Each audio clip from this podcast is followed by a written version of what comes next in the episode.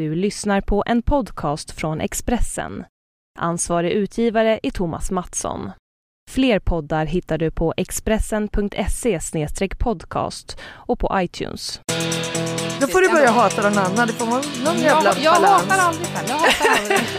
Då undrar jag Per, hur sugen är du på ett svennvin? Till och med Pamela som inte ens har ett uns av, Ja, av obalans av serotonin i sin hjärna.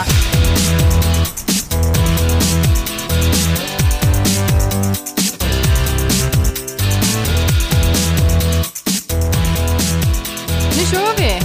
Välkomna till Anna och Pam om sport och sånt. Vår podcast är jag som är Anna och då är det mycket logiskt att det är du som är Och det är jag som är Pam. Jajamän. Det här har du fattat bra, Hanna. Kul att ni är med oss den här veckan också. Kul att vår sponsor Secure är med oss den här veckan också. Secure, den mobila plånboken. Det är väldigt fiffigt har jag upptäckt nu. För när man är ute och, motionerar, kanske powerwalkar och lyssnar på vår podd. Förs Ja. Förslagsvis. Eh, nu lyssnar jag också mycket på Expressens VM-podd. Den kan jag också rekommendera. Men då behöver man bara ha mobilen om man sen ska slinka in och handla en flaska vatten eller vad det nu kan vara. För man behöver inte ha något mer när man Nej. har Secure.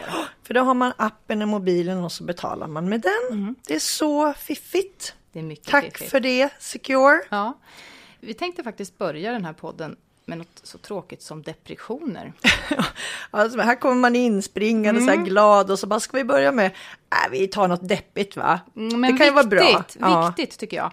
Det är ju nämligen så att eh, en av världens bästa kvinnliga skidåkare, polskan Justina Kowalczyk, som har två OS-guld och två VM-guld bland annat, Mm. har eh, ska jag säga, blottat sig i en intervju och berättat att hon lider av en svår depression. Och därför har vi då kommit fram till veckans första ämne, nämligen veckans tabu. För det var faktiskt så som Kowalczyk beskriver det. Mm. Att, att det är big no-no inom idrottsvärlden att ha svagheter. Ja, ja, en idrottsman eller kvinna måste framstå som oövervinnlig. Man får inte blotta sig på det sättet som hon nu gjorde. Men just därför så gör hon det, för att berätta. Hon orkar liksom inte gömma sig längre. För hon Mm. mår så dåligt och har fått professionell hjälp och mediciner och allting. Nej, men hon, hon, har en tuff kamp. Ja, och grejen är att det där tror jag blir allt vanligare. Jag vet ju att eh, Marit Björgen som räknas som en av också av världens bästa skidåkare. Efter OS i våras så gick hon ju ut i norsk press och sa att hon kände sig helt tom. Det fanns liksom ingen glädje kvar och då gick hon ändå hem med liksom flera medaljer. Men det var, det var bara tomt. Och jag tror att det där är otroligt vanligt. Men precis som vi säger, lite tabu. För att man ska vi, visa liksom hur stark man är och hur framgångsrik man är. För det där är ju inte bara liksom skidåkare, det, har, det där har vi ju sett på många andra sätt. Ta Linus Törnblad till exempel som också blev deprimerad och liksom låg, höjdhopparen, svenska hö, höjdhopparen, som låg hemma liksom och knappt kunde ta sig ur sängen. Det finns ju två stycken aspekter på det där. Dels är det att eh, idrotts, många idrottspersonligheter eh, hänger upp sin självkänsla på prestation. Och lyckas det inte så som de har tänkt sig enligt plan, så rasar hela världen. Men sen finns det också forskning på att 40 procent av de som lider av depression har en obalans i hjärnan. Eh, det är signalsubstansen, nu ska vi se, serotinin Åh, heter det. herregud, Ja, ja. Men väldigt intressant. Eh, för att många då som eh, inte är elitidrottsmän som söker hjälp för depression kan få utskrivet på recept istället för tabletter då, eh, motion. För att Mm. höja det här serotoninet i hjärnan och må bättre. Men för elitidrottsmän som tränar extremt mycket och hårt så blir det omvänt. Det blir obalans i hjärnan med serotoninet för att de får för mycket förhöjt. Mm. Jag tror att jag, att jag har obalans åt andra hållet för jag har så Alltså det finns ingen cell, trots min hjärntumör, som finns och andas eh, depression i min kropp. Skönt. Så jag, jag tror jag har am- obalans åt helt andra hållet. Men jag tror så här, eh, många idrottare, de fokuserar bara på målet. De ska ta ett OS-guld, de ska ta ett VM-guld. De tänker inte på vägen dit, utan vägen dit ska ju också kännas rolig. Därför att annars kommer ju den här tomheten efter att du har liksom utfört det här. För du, du, som du sa, det, var ju, det är ju inte liksom bara depression om du misslyckas, utan depressionen kommer ändå när det är klart. Man måste Mm. Det blir en tomhet, ja. Ja, Mm. och man Det var måste. det, det. Ja men precis, nu har jag gjort det här, vad ska jag göra nu? Men det är många tom. idrottsmän som också vittnar om det. När de väl har tagit det där guldet så känner de nästan inte glädje, utan det, det blir just att för då har pressen varit så enorm. Men jag, alltså så, egentligen så, så, att är det, inte mer bara... en lättnad än en glädje. Men det egentligen är det inte bara idrottsmän som känner sådär när man har jobbat. Jag, jag kommer ihåg när jag jobbade på Expressen och gjorde massa OS. Mm. Eh, tog, ja, jag tog också OS-guld kan man säga. Jag, skrev, jag jobbade så mycket. Men, men när jag kom hem efter att ha jobbat då 16-20 timmar per dygn i sig tre veckor, för man var ju alltid där både före och efter, så kände jag också den här tomheten. Då hade man liksom befunnit sig i eh, händelsernas centrum på ett sätt som är, när man jobbar som journalist, otroligt roligt jobb. Och så kom man hem och så skulle man liksom börja med bevaka serielunken, liksom gå på någon allsvensk fotbollsmatch. Man var, alltså det kändes bara tomt. Men då fattar ni, om till och med Pamela som inte ens har ett uns av, Ja, av, av obalans av serotonin i sin hjärna kan känna den här tomheten. Vad många idrottare som Ja. faktiskt förmodligen i det tysta då eh, mår dåligt. Jag måste bara säga det att eh, det här med att träna väldigt hårt så att den här serotoninbalansen blir rubbad. Eh, Kowalczyks vallare, Mm. eh, Ulf Olsson, har ju vittnat om att han faktiskt aldrig har sett någon träna mer och hårdare än den här polskan. Nej men alltså det kan man ju se, därför att om man, sit, om man gillar skidor som jag och man sitter och tittar Oh ja. på henne ja, varje helg så ser man att hennes teknik är ju inte Har mer att bra. önska, så skulle man Nej men det är liksom, alltså hon, och, och slugga sig fram Ja. på det sättet som hon gör. Ja. Alltså då förstår man hur jävla urstark hon är. Mm. För att om hon hade Kallas teknik till exempel, eller Björgens eller Therese Johaug, så skulle hon ju liksom vara out of this world. Då skulle hon ju liksom bara plöja igenom varenda tävling. Men det har hon ju inte. Hon lever ju på de här grova armarna. Och För att viljan. Liksom, ja, Mm. och viljan som nu då liksom går upp och ner. Eh, istället för liksom att kunna utnyttja tekniken. Mm. Men jag tycker det var väldigt bra och modigt av henne att gå ut med det här och jag önskar verkligen att hon kryar på sig. Absolut, jag tycker eh, precis likadant som dig, för man vet ju också, nu är, kommer ju hon fortfarande att tävla. Eh, det finns ju, annars är ju det här någonting som man kan höra Hon efter är på träningsläger just nu Ja, faktiskt. Mm. men efter att man har slutat Ja. tävla, när liksom lamp, lamporna slocknar och man inte står där i centrum Mm. igen. Det har man ju hört många exempel på. Eh, folk som inte pallar liksom att helt plötsligt bara vara en vanlig Svensson. Ingen, ja, men identiteten har varit så stark Ja. i att vara elitidrottsman. Ja. Och plötsligt, vem är jag nu då? Ja men precis, telefonen ringer inte på samma sätt. Då har man suttit där och, och skällt på journalisterna för att man får, fått göra massa intervjuer hela tiden och så helt plötsligt är det ingen som ringer. Och då är man ju bortglömd. Ja, men sen så där problemet också. Vad, vad ska jag göra med mitt liv nu? Ja, Det är ju det också, för det är inte... När man har offrat, eller satsat, offrat ska jag inte säga, för det tror jag är få som Mm. Ja, tycker tror att de har gjort. Ja. Eh, Men satsat så mycket på, på en sak, så är det ju annat som blir lidande Mm, såklart. Eh, kanske studier eller socialt liv, eller då är det svårt. eh, Mm.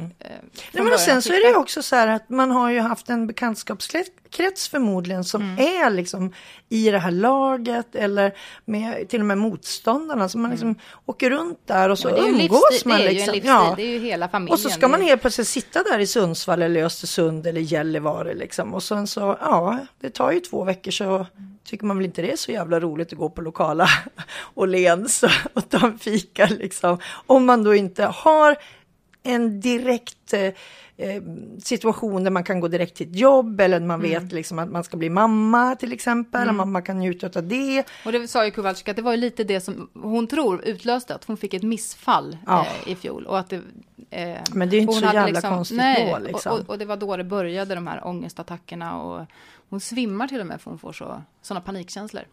Ja, det, ja usch, jag, jag lider med henne för jag vet ju själv och har träffat väldigt många människor som längtar efter barn och ett missfall, alltså många kommer ju aldrig över ett sånt. Nej. Så är det ju bara. Nej, vi håller på Justina Kowalczyk Ja, i den vi. här frågan. Ja, Mm. det tycker vi. Annars Att är det det- faktiskt inte en av mina favoriter i Nej men det är inte min heller, men man måste alltid ha någon att hata, det är så. ja, men alltså, man, man, det är svårt att hata norrmän på något sätt, för Ja. de pratar så gulligt. Och är så extremt. Nej, men Therese Johaug och Ja, Mark Björgen, de är extremt Ja, men- trevliga. De har intervjuat flera gånger. De är Ja. extremt trevliga. Ja, och, ja, men liksom, och då blir det så här, ja men det gör ingenting om Kalla blir tvåa, bara liksom Norge vinner. Men man måste ha någon så här, eh, som man bara, nej, Justina får inte vinna. Fast nu vill jag ju nästan, nu vill jag att det ska gå bra för henne. Ja, Men då Faktiskt, får du börja ändå. hata någon annan, det får vara någon Mm, jävla jag, jag balans. hatar aldrig Pam, jag hatar aldrig. Tycka jag hejar illa- bara lite mindre. Ja men okej, Mm. då får du tycka lite och heja lite mindre om någon eh, annan. Och nu veckans... Frågeställning. Det är nämligen så här att eh, i förra veckan så hade Svennis, Sven-Göran Eriksson, eh, stor fest för att presentera sin egen vinkollektion, Sven, The Wine Collection. eh, och eh, då undrar jag Per, hur sugen är du på ett Sven-vin? Ett svennevin. Nej, det är ett, Sven-vin. Ja, Sven-vin. Alltså jag var eh, egentligen inbjuden till den här, säger man release? När det är vin? Jag vet inte, är det bokrelease, vinrelease? du skulle hänga med Svennis? Jag dricka skulle hänga med enkelt. Svennevinet och Sven, Svennis. Eh, jag kunde inte gå därför att jag var nominerad som årets inspiratör. Men jag fick inte det priset så med, med facit i hand skulle jag kunna gått och, och druckit mig full istället. På Svennevinet. Jag vet inte riktigt om jag är så sugen överhuvudtaget på alla de här vinerna som bär idrottsmäns namn eller det finns ju popnamn på alla möjliga saker. Det känns liksom så här Men vem vill ställa upp ett Svenvin på en fin middag? Jag vet Det är inte. där vi kommer in, veckans frågeställning. Överhuvudtaget, ska en så stark, en person som är så starkt förknippad med idrott också bli så starkt förknippad med alkohol, undrar jag. Är det okej? Ja, i Sverige, moraliska Sverige så är det väl inte okej på det sättet. Utomlands är det säkert mycket större, men det beror ju liksom lite grann på. Jag menar, jag ser ju inte Svennes som alkoholist eh, direkt. Det gör jag ju inte, även om jag vet att du hade lite andra tankar Mm. när vi pratade om det här. Berätta, för du har läst hans bok och där har du eh, lite nja, synpunkter. jag, jag går absolut inte ut och säger att Svennis är alkoholist, men jag säger ändå att jag tycker att han har lite... Ja, säg det nu. Ja, Säg det nu bara! jag, jag, jag tycker inte att han är en du tycker inte han ska dricka mi- vin? Äh, nej, jag tycker faktiskt inte det. Jag, gick, jag googlade på Sven-Göran Eriksson och alkohol och då dök det här upp. I februari, februari 2001 så införde han alkoholförbud på landslagssamlingarna när han var förbundskapten för England. Och då kan man tycka, ja men det är ju vuxna män. Men ja, då är jag så kategorisk och generaliserande Mm, så jag tycker att fotbollsspelare behöver någon som berättar vad de ska göra, för det är de vana vid. Mm. Nu samlas vi där, nu tar vi bussen där, nu dricker vi inte vin. Och framförallt, eller Men alkohol. i England dricker man ju inte vin, då dricker man All, bara ja, öl. ja, men desto Eller mer. GT. Des, desto mer av det. Eh, så då tyckte jag, heja Svennis. Ja. Men sen gick det bara ett år, så kommer nästa rubrik. Och det var att det engelska fotbollslandslaget med Svennis var på VM-läger i Dubai. Och drack under det här VM-lägret alkohol för mer än en halv miljon kronor. Vilket är jättekonstigt eftersom man i Dubai inte dricker, Mm. utan man kan bara dricka på hotellen, eller hur? Ja, så att Svennis och spelarna med familjer, eh, de konsumerade alltså alkohol för omkring 1500 kronor per person och dag. Men vet du om Svennis drack? Han kanske inte drack det. Eh, fast det tror jag, för att hans, i hans bok sen, i hans biografi, Ja. så skriver han själv att Johan, hans son, tycker nog att jag drack för mycket alkohol och oroade sig för mig. Och så hade hans son då kommit på idén att det kunde vara bra för pappan att kanske ta en vit månad. Oj då, ja Mm. då. Ja, Sånt där, vita månader och vita veckor, då tror jag alltid liksom att då är det ganska men mycket. när en egen Ja. familjemedlem faktiskt kommer, för det är ju lite känsligt det där Ja. också, du pappa, borde inte du ta en vit månad? Men eh, för att han överhuvudtaget skulle gå med på det då, så, så sa sonen att om eh, du vinner, du får ta ett glas vin om ditt lag vinner. Och det hade gått väldigt bra för det här laget. De hade fem Ja. segrar i rad tror jag. Så att han sa okej, det är lugnt. Eh, och gick med på den här vita månaden. Men eh, då blev det fyra matcher utan seger och inget vin på en hel månad för Svennis. Och dessutom då så föll han sen ihop och fick problem med hjärtat visade sig, eller han hade det, det slog oregelbundet. Så Svennis slutsats var att den där vita månaden varken var bra för hjärtat eller ledde till vinst. Så att, eh, ja, så att han har slutat med vita, vita månader. Jag tycker att han har en lite tvivelaktig relation till alkohol. Ja, mm. jag tycker inte att det känns jättefräscht att han har ett, en egen vinkollektion. Jag ska Nej. inte dricka Svenvinet. Nej, jag, men jag, jag tror ju inte att de där vinerna som man liksom döper, det är ju ofta alltså tror jag, ganska billiga viner som man då sätter sin egen etikett på. Men det kan ju vara så att han har en egen vingård eller något. Då är det lite annat, eller? Ja, men jag, jag vet inte. Jag gillar inte riktigt Svennis. Gör du Nej, inte? jag gör Nej. inte det. Jag har träffat honom. Jag tyckte bara att han var proffstrevlig. Jag tycker inte om proffstrevliga. jag tycker inte jag, jag Nej, fick Anna ingen, är hård idag. Jag fick ingen liksom grepp såg... om karln. Jag fick ingen grepp om karln. Jag tycker han har för mycket tvivelaktiga affärer runt sig överhuvudtaget med kvinnor och annat. Och alkohol. Så att nej, jag bojkottar det här vinet. Ja, okej. Okay. Mm. Eh, Anna är på krigsstigen ja. idag, ni hör det. Jag ja. hoppas att ni liksom springer fortare medan ni liksom känner hennes ilska genom Nej, men... eten. Återigen, jag hatar aldrig, jag tycker bara ja. mindre illa om. Ja. Eller mindre om. Men jag måste säga, Kajsa Bergqvist, eh, efter sin karriär så utbildade hon sig mm, till, till sommelier. Som, ja, precis, mm. och har ju också ett eget vinmärke. Men där måste jag säga, hon är ju mera distributör av vin. Ja, men, men har ju också ett tydligt statement. För går man in på hennes eh, Kajsa Wines så ploppar det upp en liten ruta där det står att det här är en sida som innehåller information om alkoholhaltiga drycker och riktar till, sig till dig som fyllt 25 år. Jag tycker det är ett det är schysst bra. statement. Ja. Jag tycker faktiskt det. Och man såg ju också när hon var med i Mästarnas mästare mm. nu i mm. år, så var ju hon på vinprovning och mm. var ju väldigt noga med att spotta. Det var nästan ja. så jag tänkte, för hon spottade ut och sa åh vad det här var gott. Och så spottade hon ut det. det är här, helt fel liksom. Ja, nej, men jag gillar ju Kajsa, men det har ju blivit jättevanligt. Jag menar som jag, jag sa, jag kunde inte gå på den här releasen av vinet då eftersom att jag var nominerad. Och eh, ett av mina priser där, förutom diplom och blommor, det var faktiskt ett Amelia-vin. Så att även Amelia Mediagurun. Ja, precis. Och faktiskt mm. en, en stor förebild för mig. Hon har också satt sitt namn på ett vin. Nu har jag inte smakat det än. Men eh, det ska bli spännande. Men jag tror liksom just det här med vin har ju faktiskt kommit mer och mer och mer. Först var det kalsonger. Ja, ja, ja, ja. Men, ähm, ja, men jag ställer mig faktiskt lite skeptisk till just att eh, personer som är så starkt förknippade med idrott också ska förknippas med alkohol. Jag tycker att de ska ha... Kalla mig gärna moraltant. men, men, så tycker de, jag. Men det finns ju också parfymer som är fler och fler som vill ha mm. med sitt namn på. Men inte så många svenskar än. Det är väl egentligen bara Eva Attling och eh, Emma Wiklund som har och De är inte så egen. idrotts... Nej, det är de ju inte. Där är det mera så här snygga, väldigt snygga och smarta kvinnor. Mm. Jag skulle vilja ha en egen parfym. Det tycker jag låter, liksom, det låter lite mer glammy.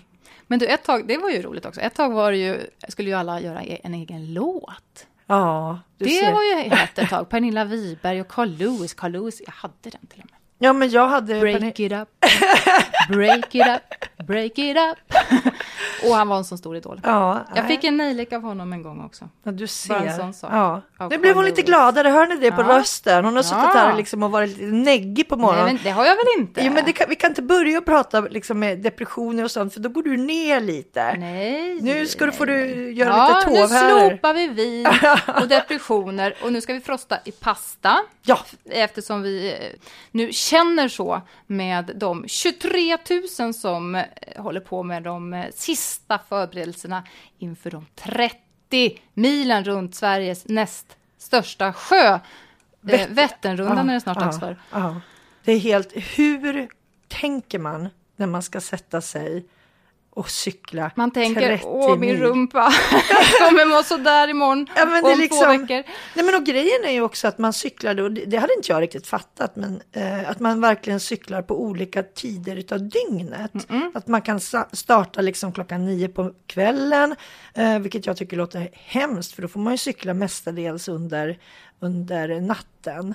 Jag vet Emma Igelström ska, ska starta Simmerskan, då. Ja, för detta. precis. Eh, och hon kommer då cykla under natten och då är man ju också trött. Tycker det låter hemskt. Fast jag vet inte. när jag, på den gamla goda tiden när jag var aktiv och friidrottade, jag älskade när det blev sent och man skulle springa. Tyckte det var jättehärligt. Ja, men då skulle du inte du springa i 12 timmar antar jag? Nej, det skulle jag inte. För, för det är ju ungefär den tiden det tar att cykla de här 30 milerna. Om man inte är lite Ja, men det är en jätteprestation. liksom. Men vet du, jag har ju fortfarande problem med min häl. Ni som har hängt med i den här podden har fått hört den, så jag ska inte prata mer om den. Men jag har börjat cykla. Bra där, Ja. för det är jättesko... Alltså det är en fantastisk träningsform. Mm. Men jag cyklar eh, utan att komma någonstans. Jag sitter nämligen på en träningscykel. Och första fem minuterna, alltså det är så hemskt. Det är så tråkigt och sen plötsligt har det gått en timme. Men Ja, första fem ja. minuterna, har man bara tagit sig över det. Men, det- men går du på ett spinningpass då eller Nej, sitter du bara sitter själv, själv. Liksom, och lyssnar på podden? Ja, faktiskt inte. Utan nu har jag, nu har jag haft Expressens VM-podd i öronen. Ja, ja. Men den är väldigt motiverande och bra. Ja, Mm. du kan ju ha våran också. Det tycker jag är bra. Jag Ja, hoppas men att det någon- hoppas jag att andra har. Ja, men du vet man kan ju inte ha hörlurar tycker jag när man cyklar. För då måste man ju höra när folk liksom Ja, men om man är ute ja. Men jag, Ja, cyk- ja. jag cyklar ju i ett rum. Ja, du cyklar så. Mm. Ja, jag träffade i alla fall en, en mycket inspirerande person som ska cykla Vätternrundan nu i veckan. Och nu, veckans... Ute och cyklar. Lyssna på den här så fattar ni varför. Så där Måns, nu, nu ska ju du snart köra Vätternrundan. Ja, nu börjar det faktiskt bli dags. Ja, Men alltså jag känner bara så här, hur kommer man på idén att sätta sig på en cykel i 30 mil? 40-årskris. det, är, det är solklart. Jag har inga undrar. Ja, absolut. Men, eh, men det, nu ska det bli roligt. Innan har jag haft ångest. Jag, jag har ju börjat med klassiken lite smått. Ja, ja, ja. Så att eh, det här är väl inte självvalt utan jag måste göra det här om jag ska få det där eh, diplomet helt ja, enkelt. och, och ett diplom, det är så viktigt alltså. Ja, det är väl det.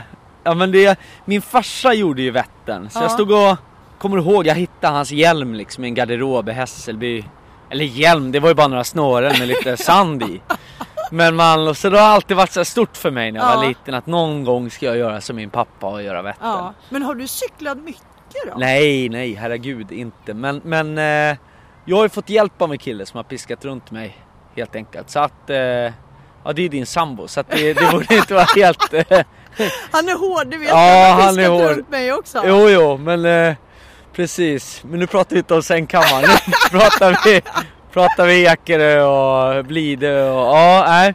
Men så att... Eh, men, men det som är roligt och det är väl det som jag tycker är kul nu när jag... Jag har aldrig tränat i mitt liv förrän nu. Att det går ju faktiskt väldigt fort uppåt. Alltså efter fem gånger så känns det ju jättemycket lättare än första gången när man tänkte det kommer aldrig att gå det här.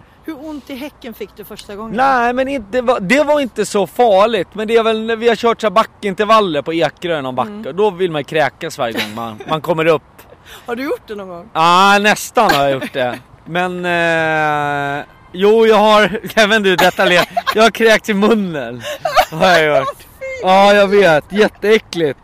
Men då har man ju jobbat på bra. Då har man ju haft ett bra Ja. pass. Men det är liksom. så det, om det är någon så expert som lyssnar så vill fråga varför gör man det? Är det för att man har dragit på sig för mycket mjölksyra eller? För jag är inte van att må illa när jag sportar, men när jag har sportat mycket så har jag börjat. Ja men då tror jag att du har tagit ut dig till max. För då, jag menar kom Jag ihåg... vet, men sen sa din sambo, det kan ju vara hjärtinfarkt. Då kände jag, fan, vi har ingen hjärtstartare med oss. Men eh, så allt ska väl vara måttligt liksom. Men jag tänker Sven Nylander, när han Ja. tog ut sig max efter varje lopp så spydde ju han. Och här har du liksom åtminstone haft spyan i munnen. Det betyder Ja. ju liksom att du nått på spåren. Ja. jag. Absolut. Nej men så att, eh, men det, ja, det som slår mig, nu har jag bara gjort Vasaloppet hittills i den Ja. här klassiken, att när folk får på sig de här nummerlapparna då blir de liksom då flyger fan i dem. Folk var jätteotrevliga i starten och puttade? Mycket armbågar, ja. Men och innan du. starten, folk sätter sig och bajsar i den här backen. Men vi är väl fortfarande människor? Vi har väl ett människovärde? Men då är det okej bara för man har nummerlapp liksom. Det, ja, men det finns... Ja men bajar man i trailer, det sitter folk mellan bilarna och bara säger Ja men så här, Armageddon, ja det, det förvånar mig Vad sket du då? Nej men jag, jag gick på en sån där holk faktiskt. Men då var jag ju nästan sent i start. Och så är du lite kändis också så det kan vara lite Ja, det blir dåligt. Och Då, dålig I och för stämning. sig, ja, mitt varumärke är inte värt så mycket. Jag tror inte det, det kan inte bli mindre värt av att jag bajsar i skogen. Det är nog same same. Men eh, Men du klarade den första delen utav klassikern, Vasaloppet alltså. ja, Hur, hur lång tid tog det? ja, det tog ju sjukt lång tid. Eh, jag var var, så jag åkte tävlade mot det här repet. Det var ju Åh, min utmaning Ja, liksom. ja. Att, eh, men, eh, men Nej men för jag kan ju inte åka skidor, jag hade ju tränat en vecka innan. Men så jag är Ja. glad att det gick om jag ska vara ärlig. Ja, Eh, men, men så att det längsta jag hade åkt då var 3 mil och det är 9 mil. ja. Men jag har ju cyklat 20 mil av 30 av till vett så jag 30. känner mig ändå Ja. relativt sett väl förberedd. Om du, är förstår vad jag ja, menar. jag förstår. Ja. Du är mer förberedd nu än Ja. vad du var på, på Vasaloppet helt Ja. enkelt. Och då sa han Christer Skog då som jag tränar med att jag, var bättre, för han sa skidor kan du fan inte åka. Han är ju ärlig i alla fall. Men att jag såg bättre ut på cykel. Alltså Ja. jag hade knäna inte utåt och Ja. sådär. Jag hade vissa grejer som var bra från start. Så jag Ja. tror jag har lite mer fallenhet för att cykla då. Hur, hur många mil totalt skulle du säga att du har tränat inför? Ja, Lång tystnad. nästan hundra faktiskt. Åh, fan, ja, ja, så att jag vill inte så här. äh, jag brukar, jag berättar gärna när jag är jättedålig men nu känner Ja. jag mig inte superdålig Nej. utan jag, jag tror äh, att det ska gå bra om jag inte gör något jättedumt liksom. Ja. Men vad har varit det svåraste då under den här träningsperioden? Eh, dels är det ju faktiskt mentalt alltså för själv tycker man man har masat sig iväg till Friskis och Svettis så gör man 50 minuter. Man räknar i duschen också så en timme säger man att man har tränat. Men när man ska börja med någon sån där, ja nu ska vi åka i sju timmar liksom. Ja. Då känner man så här, men det är ju inte möjligt. Men det är det ju faktiskt. Ja, ja. Man behöver inte göra det första gången, Nej. men efter några gånger. Så det är det som är bra tycker jag, att träffa någon som liksom man flyttar gränserna. Mm, Så jag började med att åka med Christer till Tällberg då körde vi fem timmar om dagen. Och jag fan, tänkte att, eh, ja det är mycket och jag tänkte att jag kommer aldrig orka träna. Jag kan göra liksom kondition en Ja, timme och så ja, styrka en timme, ja. sen är man klar. Men, men man flyttar gränserna. Så jag vet inte, jag tror eh, faktiskt jag är bättre form nu än vad jag varit någonsin i mitt liv. Gud vad härligt. Ja, sen har jag inte gått ner i vikt och sådär, men det är för att jag äter så dåligt. Men jag är ändå, jag känner mig liksom... Ja, men du, är stark och lägger- frisk Ja, men du och- lägger väl på dig muskler också? Precis, Muskler- det var ju det jag... Du ville att jag skulle säga! ja, det var därför jag stod och bli, blinka här. Jag tänkte... Precis. Men du, ja. vad har du för mål då? Vad tror du? Hur lång tid tror du att det kommer att ta? att Jag siktar på cykla? 11, 11 timmar. Lika långt som Vasaloppet alltså? Ja. Och vad är du mest rädd för? För ni kommer väl... Ja, det och ramla, man får ju inte så här som vi mätte igår, då sa någon att det gick över 50 där någonstans. Det är ju snabbt när man Mm. Ja, fy något säkerhetsbälte Ja, och ramla. Har du gjort någon vurpa så här långt under träningen? Ja, men så här förnedringsvurpa, man sitter ju alltså fastspänd med fötterna. Jaha, och så har du inte fått ur Så då? stannar vi vid något café. Ja, och det var så att när cykeln var ny, jag har ju köpt en begagnad. Ja. Kostar fruktansvärt mycket pengar.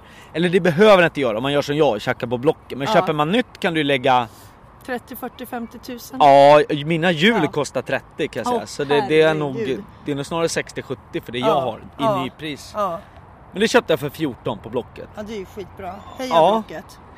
Men gud, vad pratar man om? Vad var det jag skulle var- komma om, till? Ja, om du var rädd för någonting. Ja, jo men eh, just det. Jo men förnedringsvurpa ja. Ja, det, då var det sådär. Så då var de ställda tramporna väldigt hårt så jag fick inte ur dem helt enkelt. Mm. Nej, Så jag, jag ramlade i en kilometer i timmen framför ett café liksom. Men det, det är väl någon sketchinspelning som vanligt. De började leta Ja, TV-kameran. Det känns så förutsägbart att jag ska vara så här jättedålig och ramla framför ett café. Så gjorde jag det. Så, Och ja. då, ingen trodde det var egentligen på allvar då? De trodde du gjorde Jo, efter ett tag när det aldrig kom något team så fattade jag att jag var bara, jag var bara dålig. Men jag var inte dålig för det var ju svårt. Ja, ja, jag skulle inte Men jag, fatt, jag visste inte, för jag har haft en resa när jag var ung någon gång. Ja, Men jag visste inte att man kunde skruva hur hårt man ska sitta Nej. fast. nej. Det är mycket man lär sig längs, längs vägen. Men du, jag tänker så här. Det finns otroligt mycket regler. Ja det gör ju det, herregud. Jag har ju Ja. fått skäll av Christer att jag inte har raka benen. Det är en grej. Som är... och vad, får- Eh, vad, och nu ska jag göra musikal. Ja, Ja det känns ju mycket på en gång. Göra ja. musikal och raka benen Ja, och, och ja. så ska jag smörja med vaselin i ljumskarna. Det Men reglerna är väl liksom, ja till exempel att man ska ha rakade ja, ben. Eh, Hur långt upp ska man raka dem undrar jag? ja, Är det ända upp till ljumsken? bikinilinjen som Är vi det säger. Nej men det är så här, det är väl till cykelbyxan. Eh, Slutar. ja, Ja. så det är ju... Eller Men börjar, sen sa vet någon till mig, först så skrattade jag och sa vad Mm. löjligt och vindmotstånd och ha ha ha ha. ha. Sen sa en cyklist till mig, ja men det är också när du ramlar, Mm. alltså hur såren blir. Det är bättre att inte ha hår för då får du bara typ brännskador. Men har Ja. du hårsäck, det var någonting medicinskt. Ja. nu är inte jag så smart så jag förstod riktigt allt. Men det var bra i alla fall. Ja, men jag vet också att om man ska få massage efteråt och det vet jag väl, eller anar att du också måste ha det. Så är det mycket skönare att få massage när inte oljan fastnar i håren. Ja, Så att liksom det här är ju något som hår- jag inte har tänkt på ännu. Men här men, får jag eh, lite tips utav Ja, mig. verkligen. Eh, du, och det det- känns ju bra. Det, det finns ju andra regler också hur man ska Ja, vara nej men det klädd. finns, ja herregud. Till att börja med, du måste ju ha sollinjerna tydliga. Så Ja, det, alltså ja. de här reglerna går ut på att man ska leva cykel. Alltså, eh, du får aldrig börja med att åka nerför. Nej, Alltså du får inte ta en lift upp i Alpen och börja åka neråt Nej, till nej, exempel. nej. Du Då får kommer aldrig... Rovecko-Vacki och Ja. bara tjo tjo tjo. Och du får inte, du måste ha solglasögonens bågar ska gå utanför hjälmremmen. Cykeln på bilens tak får inte vara värd mindre än bilen. Oh, wow. Eh, sen är det mycket så här. Men det, du vet, du, du ska gå upp Ja. och dra i klungan och Ja, göra din ja, del. Det är ju en ja. del sportregler men det mesta är ju vett och etikett. Du kliver inte av på höger sida där kedjan är. Jag fick skäll av Christer här om veckan för jag hälsade på en cyklist på andra sidan och då säger Christer ja men såg du inte att han hade stänkskärm bak? Vi hälsar inte på folk med stänkskärm. Sån är din sambo. Jag vill bara att du ska veta det och hela Sverige. När vi ändå håller på. Men jag har hört att du måste ha någon speciell färg på strumporna också. Ja vitt ska det Ja, vara ja. ja. Just det. Ja. Banne dig annars. Vita strumpor. Om det inte var, jag tror det var och nu är Pantani död, men det var någon som får Mm. undantag från de här reglerna. Om vi pratar kända cyklister så får man inte ha ett sånt där Livestrong armband. Nej, okej. Nej, det är också... Och det stod något, självklart är vi som cyklar mot cancer men Ja. det får inte gå så långt att Nej. du har ett gult Livestrong Nej, armband. okej, okej. Då har du missuppfattat cykelsporten helt. Ja men det, Eh. låter, det låter jättebra för då förstår jag också att du har börjat anamma detta. Ja, jag, jag börjar leva cykel. Ja, ja det Jo, och det var mycket formler. Nu missade jag en del matte i skolan, men till exempel var det då hur många cyklar ska man äga? Då var det S minus 1. Och S är då när frun tar ut skilsmässa.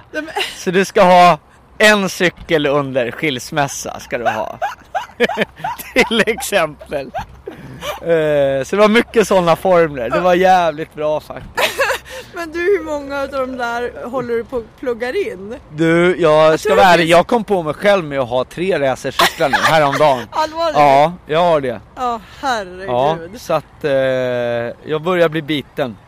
Men eh, om man ska säga så här då. Man kan ju faktiskt det är ju inte så komplicerat Mm. utan det är bara att börja cykla. Och jag var jättedålig första rundan. Då blev ju jag... Fick Jag du- kände mig som Björn, kände, vad heter den? Adam och Eva va? Ja, ja precis. Han har ju skilt sig Ja, och har väl också typ ja. 40-årskris. Och har så här superhäftiga grejer. Och snurrar tramporna bakåt och bara åker och klickar och håller på. Och sen så Så var det så första passet, vi drog till Brommaplan. Sen ska man ut mot Ekerö, det är där det börjar liksom. Och då blev jag omcyklad av en dam i 55-60 Ja, som satt upp med så här äh, korg där fram. vanlig sån här Ja, damcykel. ja, och då så cyklade jag om henne liksom. Jag Ja. kände här, någon måtta får det vara. Och sen tog det väl en sju minuter så var hon om igen och skällde ut mig för att så här, ja men eh, du kan ju hålla jämn fart, det här är bara jobbigt liksom. Jag ska behöva cykla om er hela tiden. Så sen höll jag mig där bak och kände att oerhört förnedrad. Men eh, Men du lät dig inte nedslå sig. Nej, och nästan. Det var nästan, men jag kände jag kan inte sluta här.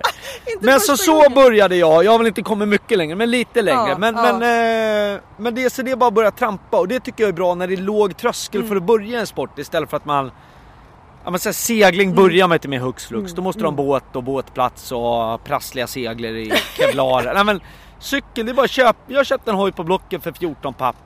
Och ett par skor för Ja. 600. Så köpte jag handskar på Ullared och sen började jag cykla. Fan vad bra. Ja, Och så nu det är ändå... du snart 30 mil framför dig. Precis. Nu är jag snart... Eh... Men du, Jag ser mitt eh, Vätterndiplom i alla fall, Ja. hägra. och hur kissar man när man sitter? För man får väl inte stanna? Så här, på touren Ja. där jag är mentalt redan men inte, inte officiellt då. Så där har jag förstått att man får en hand i ryggen av sin hjälpryttare Ja. och så Och så hänger man ut hänger man ut den på Ja. ren svenska. Men jag har problem för jag vill inte att folk sådär 20 meter bak ska cykla på min snopp. Så jag... Nej men allvarligt talat så, jag vill inte helt, det är det jag menar med nummerlapp. Alltså Ja. jag är ändå, det gäller ju inte liv och död Nej, för mig. Så nej. jag känner jag kan väl få stanna och Ja, kissa. Ja. Eller också kissar man väl i cykelbrallan? eller Nej men jag tror inte, nej, nej men det där det tror jag inte faktiskt man gör. Men jag tror vi har tre stopp inplanerade faktiskt. Ja, ja. Och då finns det som allt nu för tiden. Då fyller man i på någon app. Vad tror man att man gör Vättern på? Ja. 30 mil och då lägger någon något dataprogram upp taktiken. Men det jag vet är att för alla säger som Vättern, det är väldigt lätt ner till Jönköping om det är 10 eller 12 mil. Så alla som cyklar för första gången tycker att de där första 12 milen, då är det kanon och alla är på bra humör och så. Men det är ju för att då har man ofta vinden i ryggen och vinden är en oerhörd faktor i det här. Så... Eh, ja. Men sen fattar man ju själv att det går upp för. Det är ju så på kartan. ja men jag, ja, nu när vi står så cyklar den, det där är ju då Fredriks Håfare förbi, det ser Ja, du på. Ja. Och de hälsar inte på mig Nähä. ännu. Nej, nej, nej. Du är De- inte där än. Nej, jag är inte där än. Nej. Så är min dröm är väl lite att inte att kunna cykla med de stora, men Nej. ändå att de ska hälsa om man kommer på Ja, andra ja. sidan. Ja, Där är en- jag inte än, men det är... Nära. Det är en av Sveriges största cykelklubbar. Ja, för de är alltid ute. De är hur många som helst. Ja, men de är, man kan säga att de har invaderat. Ja, Även att, lilla eh, Essingen där vi står nu. ja, så de är, över, de är överallt. Ja. Ja. Och målet är först Vättern, sen Fredrikshov. Man måste ju liksom sikta någonstans. Man måste, ja precis. Nej men sen är det där simmet, men det får vi ta i nästa Det program. det tar jag har inte nästa. lärt mig eh, jag har Krål. simborgarmärket. Nej, Ja. krål det är så långt bort. Det är inte. Men jag har lånat någon våtdräkt. Ja, Och då sa just en sån bara, ja, vad tror du han du har lånat den av? Vad tror du han har gjort i sin våtdräkt? Och då blev jag inte sugen på att prova längre. Så jag, Så du ska gå och köpa men jag är lite snål också, så det är en svår avvägning. Ja, Så det- tänkte jag, men då kanske jag kan kissa in den själv, så känns det som min. Och då vill väl inte han ha tillbaka? Nej jag vet, och då måste jag ändå köpa den. Så nu lika kan du klippa i podden. Vad har ni för policy?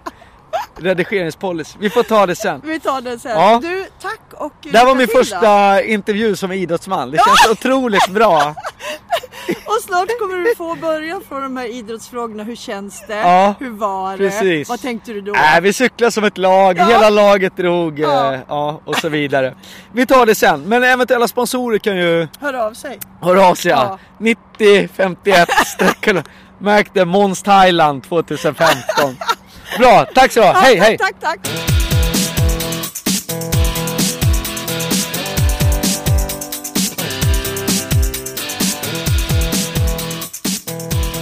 Visst han, han är helt galen. Nu är det ingen som är deprimerad längre. Nej, nu, alltså, alltså, jag ska, alltså jag älskar Måns Möller, att han liksom bara ger sig i kast med detta och bara liksom, han är inte alls otränad på något sätt, men ändå.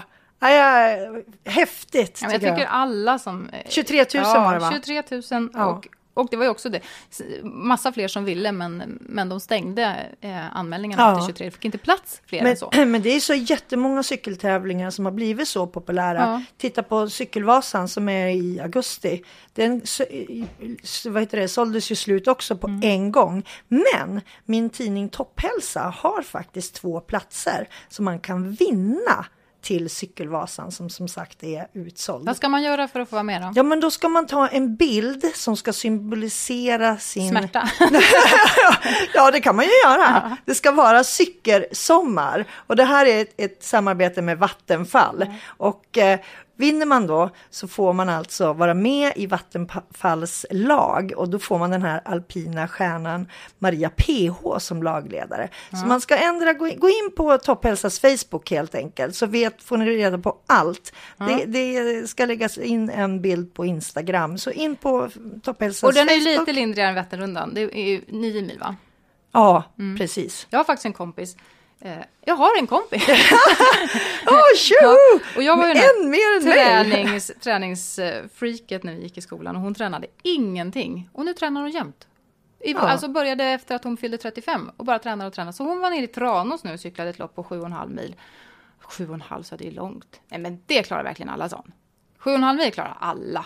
Jag vet inte om det är sant. men Ah, jag vet inte riktigt. Jo, nej, nej, jag vet faktiskt inte heller. om det är mycket nedförsbackar. Ja, det möjligtvis. Jag körde ju nio mil har jag kört som längst och det var Det var eh, långt. Ja, det var väldigt långt. Eh, men jag kan nog säga att sju och en halv mil gick bra. Ja. Hon, så hon kan ha rätt. Ja. Men det sista milen, alltså jag kände knappt liksom mina ben. Men nu har ni lite tid att träna ifall att ni är ute efter de här två platserna. Ja, det är bara juni ut så för fan in och kolla. Mm. Och, och plåta cykelsommar. Och nu veckans... Hyllning! Det här är något av din hjärtefråga Pam. Det här med elitsatsning och barn. Ja, Om någon har missat vad du har debatterat om både här och där, vad är ditt statement nu då? Nej, men jag tycker inte att man ska elitsatsa för tidigt. Jag har själv varit handbollstränare för, för både damer, tjejer och även män faktiskt. På relativt hög nivå. Och jag vet av egen erfarenhet att man kan inte säga vilken av de här barnen som är bäst när det väl gäller. Du kan inte titta på en nioåring och säga att den där killen, han kommer bli skitbra, så vi satsar på honom, vi sätter honom i, i första laget och den där, han kommer inte bli något. De, alltså barn växer så olika och de mognar helt olika. Det kan dr- dröja flera år och sen så kommer den här killen som du har stött bort då, om han fortfarande hänger kvar. Han kan vara den som sen står i, i Stanley Cup. Förutom om man då ska dansa på elitnivå. Jag hörde att på Balettakademin, jag vet inte om det är så fortfarande, men då fick de redan i väldigt unga barnår genomgå en läkarundersökning där de sållades ut. De här fötterna kommer aldrig hålla för så hård träning. Men som sagt, det, det vi hyllar egentligen. Ja, det är så. Precis. Den har, nu vi, vi så mycket, vi har, vi har inte tid att hylla någon annan än det här. Men jo, det måste vi ta. Ja, först och främst får vi säga grattis till Enskede IK, Stockholmsföreningen, som fyller 100 år. Och de firar det här på ett speciellt sätt, nämligen. Och du, berätta Pam. Ja, men de firar detta med att då ge ett lös, löfte om att inte elitsatsa förrän barnen blir 14 år och uppåt. Och det tycker jag är väldigt bra. Vi Mm. Veckans säger grattis alltså. och bra jobbat Enskede IK. Fortsätt eh, lyssna, vi är tillbaka nästa vecka igen med podden. Och tack återigen Secure för att eh, ni sponsrar den här podden. Gå gärna in på vår Facebook-sida, Anna och Pam, Anna och så ett Å, Pam, eller på Twitter, där heter vi också Anna och Pam. Ja, Eh, och skriv vad ni tycker och vad ni önskar. Och, och, ja, vi tål både hiss och diss. ja, fast bäst bara hiss tycker jag. Ja, ja helst, om man får välja. Ja, vi syns nästa vecka. Ja. Hej, hej!